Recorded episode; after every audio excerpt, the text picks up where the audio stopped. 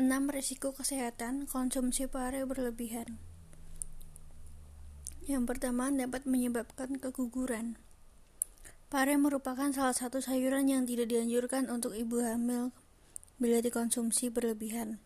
Menurut laporan berjudul Forbidden Foods for Healthy Pregnancy dalam jurnal internasional Journal of Scientific Research and Reviews tahun 2018 Bila ibu hamil mengonsumsi pare terlalu banyak, rasa pahit dari pare bisa memicu kontraksi rahim sehingga dapat menyebabkan keguguran.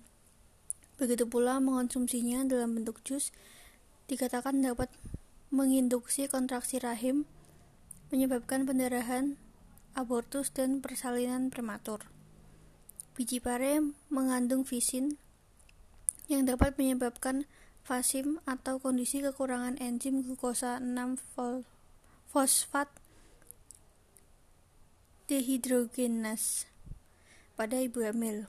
Dalam sebuah percobaan, kandungan zat protein pare yang disebut momokarin diketahui memiliki efek menghambat spermatogenesis pada anjing percobaan yang memiliki efek antifertilitas pada tikus betina.